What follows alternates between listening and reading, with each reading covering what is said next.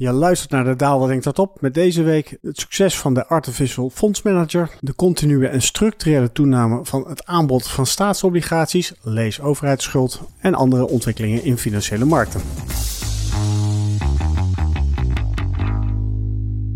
Daar is hij weer, de Daalder Denkt Hardop. En dit is editie nummer 82 die opgenomen wordt op 9 oktober. Dus maandag in plaats van dinsdag. En daarmee zit ik gelijk ook weer met een probleem. Want dit weekend is Hamas een oorlog begonnen tegen Israël. Israël binnengetrokken. Gruwelijke beelden die we daarbij hebben gezien. En uiteraard is het een kwestie van wachten totdat Israël met een antwoord gaat komen. Hoe zich dat gaat ontwikkelen, in hoeverre dit gaat escaleren, dat weet ik op deze maandag nog niet. Maar dat er tussen nu en woensdag, het eerste moment dat u deze podcast kunt luisteren, waarschijnlijk het een en ander gebeurd is. Ja, dat lijkt me zonder enige twijfel duidelijk. Mocht u dus denken, die dader is een beetje van het padje aan het raken, want hij heeft het helemaal niet over het conflict en wat voor gevolgen dat heeft in financiële markten. Of mochten de financiële markten de afgelopen twee dagen een behoorlijke correctie hebben laten zien, waar ik geen woord aan vuil maak, ja, dan weet je dus waar dat door komt. Strikt genomen zou ik overigens niet verwachten dat het tot een hele grote correctie in financiële markten leidt, maar dit had volledig af van de mate waarin met name de omringende olieproducerende landen betrokken gaan worden bij dit conflict. Het zou me dus dan ook niet verbazen dat we de komende tijd wat meer gevoeligheid in de financiële markten zien rond de ontwikkelingen in de olieprijs. Nemen we nog een stapje verder terug, dan kan je over het algemeen zeggen dat geopolitieke gebeurtenissen zoals moordaanslagen, oorlogen, conflicten en dergelijke over het algemeen geen al te langdurende impact heeft op de financiële markten. Ik heb een hele lijst van geopolitieke gebeurtenissen sinds de Tweede Wereldoorlog met zaken als het einde van Bretton Woods of de inval van Rusland in Oekraïne, 9-11, Cubaanse raketcrisis, de moordaanslag op Kennedy. Nou, een hele lijst. Dus dan ziet wat de gemiddelde impact op de markt is. Die is relatief beperkt. Dan heb ik het over de aandelenmarkt. En de gemiddelde duur van de correctie die plaatsvond ook niet heel erg. Gemiddeld duurde dat dan een dag of 18. Maar dat gemiddelde wordt zwaar vertekend door één hele grote uitschieter. En dat is tijdens de OPEC oil embargo's van de jaren 70. Nou, als je die weglaat, dan zit je op een gemiddelde van een dag of 10 dat zo'n dergelijke correctie dan plaatsvond. Maar ook dat is misschien een vertekening. Want als je de mediaan erbij pakt, dat duurde maar een dag of één. Eén dag dat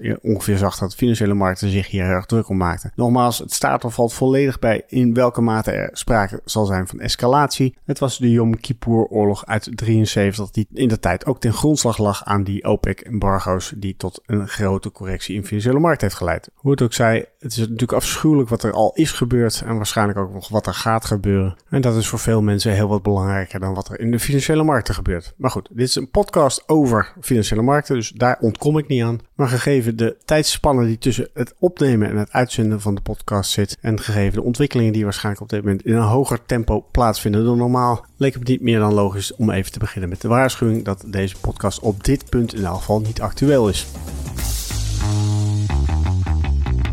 En dat brengt me tot de orde van de dag, de post om daar maar eens even mee te beginnen. Want ik heb een aantal mails mogen ontvangen bij vraag.daalder.blackrock.com. Zo te zien ook van een aantal nieuwe luisteraars. Want ja, het was heugelijk nieuws. Ik stond de afgelopen week in de top 1 van de Nederlandse podcast in de categorie business dan toch. En nog meer heugelijk nieuws. Inmiddels hebben we de 100.000 grens doorbroken. Dus meer dan 100.000 keer is de podcast gedownload en beluisterd. En dat vind ik natuurlijk ook wel heel erg mooi. Maar goed, terug naar de vragen, complimenten en felicitaties. Zou je die kwijt zou willen, moet je dat dus bij vraag.daalder blackrock.com doen. En dat is natuurlijk een mailadres. En ik kreeg de afgelopen week enige reacties naar aanleiding van de vorige uitzending. Waarin ik uitlegde waar de stijging van de kapitaalmarktrente nou precies vandaan kwam. Waarbij ik heel specifiek de term term premium gebruikte. Nou, volgens sommigen was dat geen gemakkelijke kost. Maar eigenlijk valt het heel erg mee. Als je even de analogie met een aandelenbelegger trekt, Kijk, een aandelenbelegger die doet zijn best. Het hangt trouwens helemaal af van wat voor belegger je bent. Maar een serieuze analist doet zijn best om bijvoorbeeld een goede inschatting te maken over wat nou de winst gaat doen. Welke kaststroom je kan verwachten. Welke financieringskosten een bedrijf nou eigenlijk voor zijn kiezen krijgt. Dus wat er gebeurt met de kapitaalmarktrente. Nou, dit zijn allemaal zaken waar je een soort van mening over kan vormen. Daarbij kan je overigens volledig de mist in gaan. Want je weet natuurlijk absoluut niet wat echt de omzet gaat doen. Of wat echt er met de kaststromen gaat gebeuren. Maar je kan in elk geval wel een idee hebben. Nou, als je die gegevens al allemaal in een discounted cashflow model stopt, kom je zelfs op een doelkoers uit. Dus dat is een doelkoers voor een specifiek aandeel. En dat kan je vervolgens, als je alle doelkoersen van alle aandelen van een index kent, kan je ook weer op een doelkoers van de index uitkomen. Ben je er daarmee? Nee, want wat blijkt dan vervolgens? Dat de markt, de risicohouding van de markt, een heel bepalende rol is voor wat er nou uiteindelijk echt met die aandelen in de index gebeurt. Denk hierbij even terug naar bijvoorbeeld de jaren 2000, waarbij iedereen de grote belofte van internet zag. Met als gevolg dat de waarderingen van aandelen eigenlijk veel verder stegen dan je goed kon verklaren op basis van je cashflow-stromen en dergelijke. Uiteraard kon je dan vervolgens nog weer een keer gaan sleutelen, je omzetverwachtingen nog een keer verhogen, je cashstromen naar de toekomst nog wat verhogen. Maar eigenlijk onderliggend was hier gewoon sprake van ja, te veel kopers die een beperkt aantal goederen wilden kopen. De prijs ging omhoog. Dat had je eigenlijk niet moeten vangen door je omzet en je kaststromen te verhogen. Nee, eigenlijk had je dat moeten vangen door te zeggen: hé, hey, er is kennelijk meer vraag naar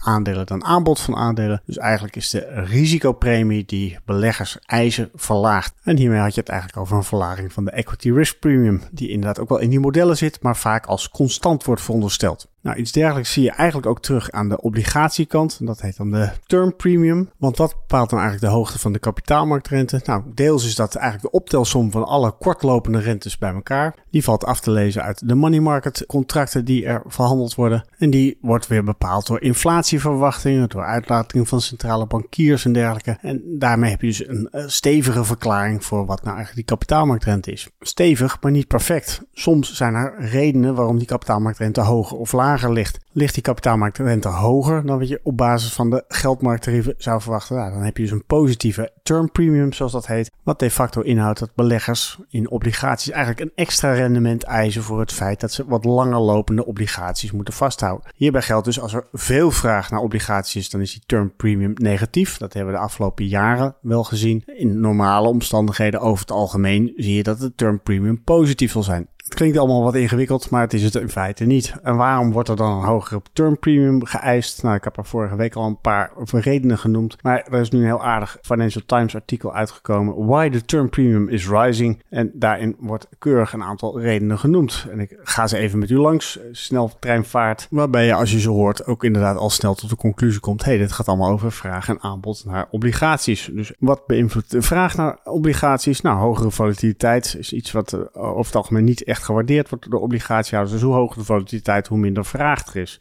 Onzekerheid over de Amerikaanse overheid die open blijft.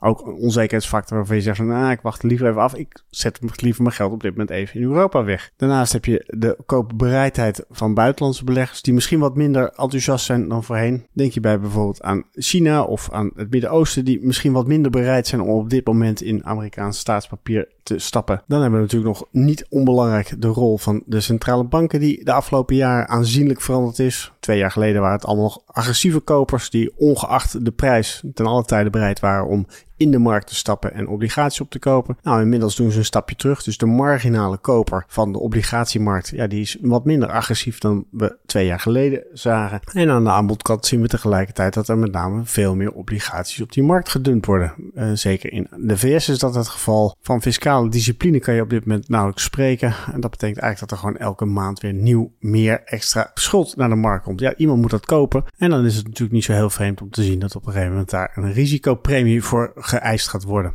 En ik vermoed dat de aandacht van de markt hier de komende tijd steeds meer op zal komen te liggen. Op die tekorten van overheden die niet onder controle worden gebracht. Schuld die steeds verder toeneemt. En daar zitten ook structurele factoren achter. Zoals je puur kijkt naar Amerika bijvoorbeeld. Die had een tekort van 5,4% in 2022. Nou, de consensus is verwachting dat dat nu rond de 6% in 2023 uitkomt. Rond de 6% in 2024. En u raadt hem al rond de 6% in 2025. Nou liggen die percentages in Europa wat lager. Gelukkig, wil ik er gelijk bij zeggen. Maar ook daar zie je dat er natuurlijk echt onderliggende trends zijn die ervoor gaan zorgen dat die tekorten best wel moeilijk onder controle gebracht kunnen worden. Denk je bij bijvoorbeeld aan het hele energietransitieproces, de Green Transition. In Amerika de Inflation Reduction Act. Met veel subsidies probeer je partijen te lokken. Nou, dat kan, maar dat kost natuurlijk gewoon geld. Denk aan vergrijzing, ook zo'n trend die niet op korte termijn opeens weg is. Vergrijzing gaat gepaard met hogere kosten voor gezondheidszorg, steun en dergelijke. Minder mensen die echt werken meer mensen die in of een pensioen zitten of een AOW hebben. Met die vaste uitgaven kan je niet zo heel veel doen. Denk vervolgens ook aan de geopolitieke spanningen. En in dit geval ook echt aan de oorlogsspanningen die je inmiddels overal in de wereld ziet opduiken. Golden de defensieuitgaven vroeger, in geval in Europa, als een soort van sluitpost. Waarom zou je 2% moeten doen als het ook met 1% kan? Inmiddels is iedereen er wel van overtuigd dat die 2% uitgaven als percentage van het BBP echt wel de norm moet worden. Ook weer zo'n post waar je niet echt op kan bezuinigen. En dan als laatste, degene die echt langzaam maar zeker steeds duidelijker wordt, de rentebetalingen zelf. Met een relatief hoge nominale schuld betekent het automatisch dat je, als je de rente ziet stijgen, dat je ook hogere jaarlijkse uitgaven moet gaan doen voor je rente. ik zag laatst een rapport langskomen van Goldman Sachs. Interest expense a bigger impact on deficits than debt. En in dat rapport schetsen ze een beeld dat waar de rentebetaling op dit moment 2% van het BBP bedraagt, althans dat was in 2022, dat het zal stijgen naar 3% in 2024 en mogelijk zelfs naar 4% in 2030. Uiteraard is dat volledig afhankelijk van wat je met je beleid doet, wat dan met de kapitaalmarktrente gebeurt, maar ook dit is weer duidelijk een post die ja, niet zomaar te ontkennen valt. Hier kan je niet op bezuinigen. Kortom, het aanbod van obligaties zal de komende tijd zeker niet minder worden. En dat dan vervolgens obligatiebeleggers een zekere risicopremie beginnen te eisen, nou dat is niet helemaal onwaarschijnlijk en onverwachts. De term term premium klinkt wellicht wat ingewikkelder dan het in werkelijkheid is. Het is eigenlijk niet veel meer dan vraag en aanbod. Ja, het enige probleem daarbij is dat, een beetje net zoals de equity risk premium, het best wel moeilijk vast te stellen is wat nou eigenlijk het evenwichtsniveau is. Op welk niveau zou dat nou eigenlijk moeten staan? Dat hangt volledig af van vraag en aanbod. En of dat nou bij 50 basispunten, bij 100 basispunten, bij 150 basispunten het juiste niveau heeft bereikt, ja, dat is veel minder makkelijk vast te stellen. Goede modellen die de term premium weten te verklaren, die zijn er volgens mij niet. En daarmee zie je eigenlijk dat ook dit echt een markt is Vraag en aanbod, dat is uiteindelijk wat de prijs bepaalt. Nog een vraag ontvangen bij de vraag.daalde.blackrock.com. Ik heb een vraagje. Waarom is de Baltic Dry Index de afgelopen maand relatief zo hard opgelopen? Van 1100 naar 1800. Ben benieuwd en lees dan wel hoor graag in de podcast. Nou, interessante vraag. Ik moet zeggen, het was mij ook volledig ontgaan dat de Baltic Dry Index gestegen is. Mocht u niet weten wat de Baltic Dry Index is, het is ja, een index die volgt de kosten van het verzenden van droge bulkgoederen en wordt over het algemeen gezien als een soort van toonaangevende barometer die laat zien hoe sterk of krachtig de wereldeconomie is. Met name in de periode 2000 tot, laten we zeggen, 2008 gold dit echt wel als een soort van leading indicator. Iedereen die een klein beetje verstand had van zaken, die keek altijd naar die Baltic Dry Index. Oh, die gaat omhoog. Ah, dan gaat het goed met de wereldeconomie. En ook na de Global Financial Crisis gold het als een van de green shoots die als eerste aangaf dat het weer begon te lopen, dat het dal achter ons lag. Maar sinds die tijd zie je eigenlijk dat die index steeds meer in vergetelheid is geraakt. En dat blijkt ook wel uit het feit dat ik niet weet dat die van 1100 naar 1800 is opgelopen. Het is niet een index die ik in de gaten hou. En waarom komt dat? Omdat er hier heel erg de nadruk ligt op de vraagontwikkeling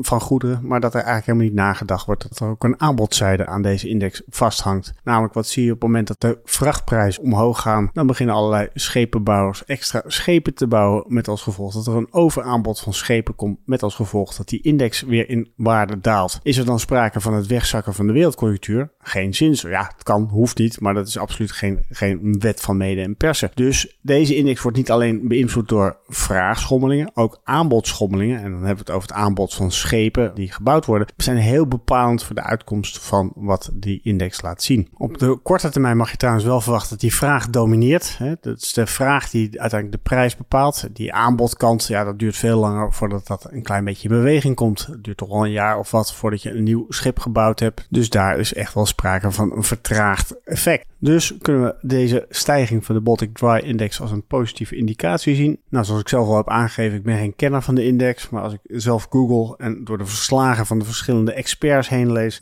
blijft bij mij toch wel een vrij negatief beeld hangen over aanbod, terugvallende vraag, tegenvallende Golden Week holiday in China. Nee, je wordt er niet echt vrolijk van. Kortom, ik moet het antwoord nog even schuldig blijven. Mocht er nou iemand van mijn luisteraars wel weten wat er ten grondslag ligt aan die fantastische stijging van de Baltic Dry Index, stuur het even op naar vraag.daalde.blackrock.com en dan kan ik hier volgende week aan iedereen uitleggen. Kom ik bij de podcast tip van deze week. En ook deze week kom ik met een tip die over artificial intelligence gaat. AI for short. Uh, vorige week was het een tip over iemand die veel verstand had van AI. En daar een boek over geschreven had. Wat nou eigenlijk de risico's waren en waar je moest letten. Deze week een totaal andere. Het is eentje uit de serie The Big Take. The Big Take is een van de vele Bloomberg podcast series die te vinden zijn. En deze specifieke aflevering gaat over Can AI beat the market? Do we want it to?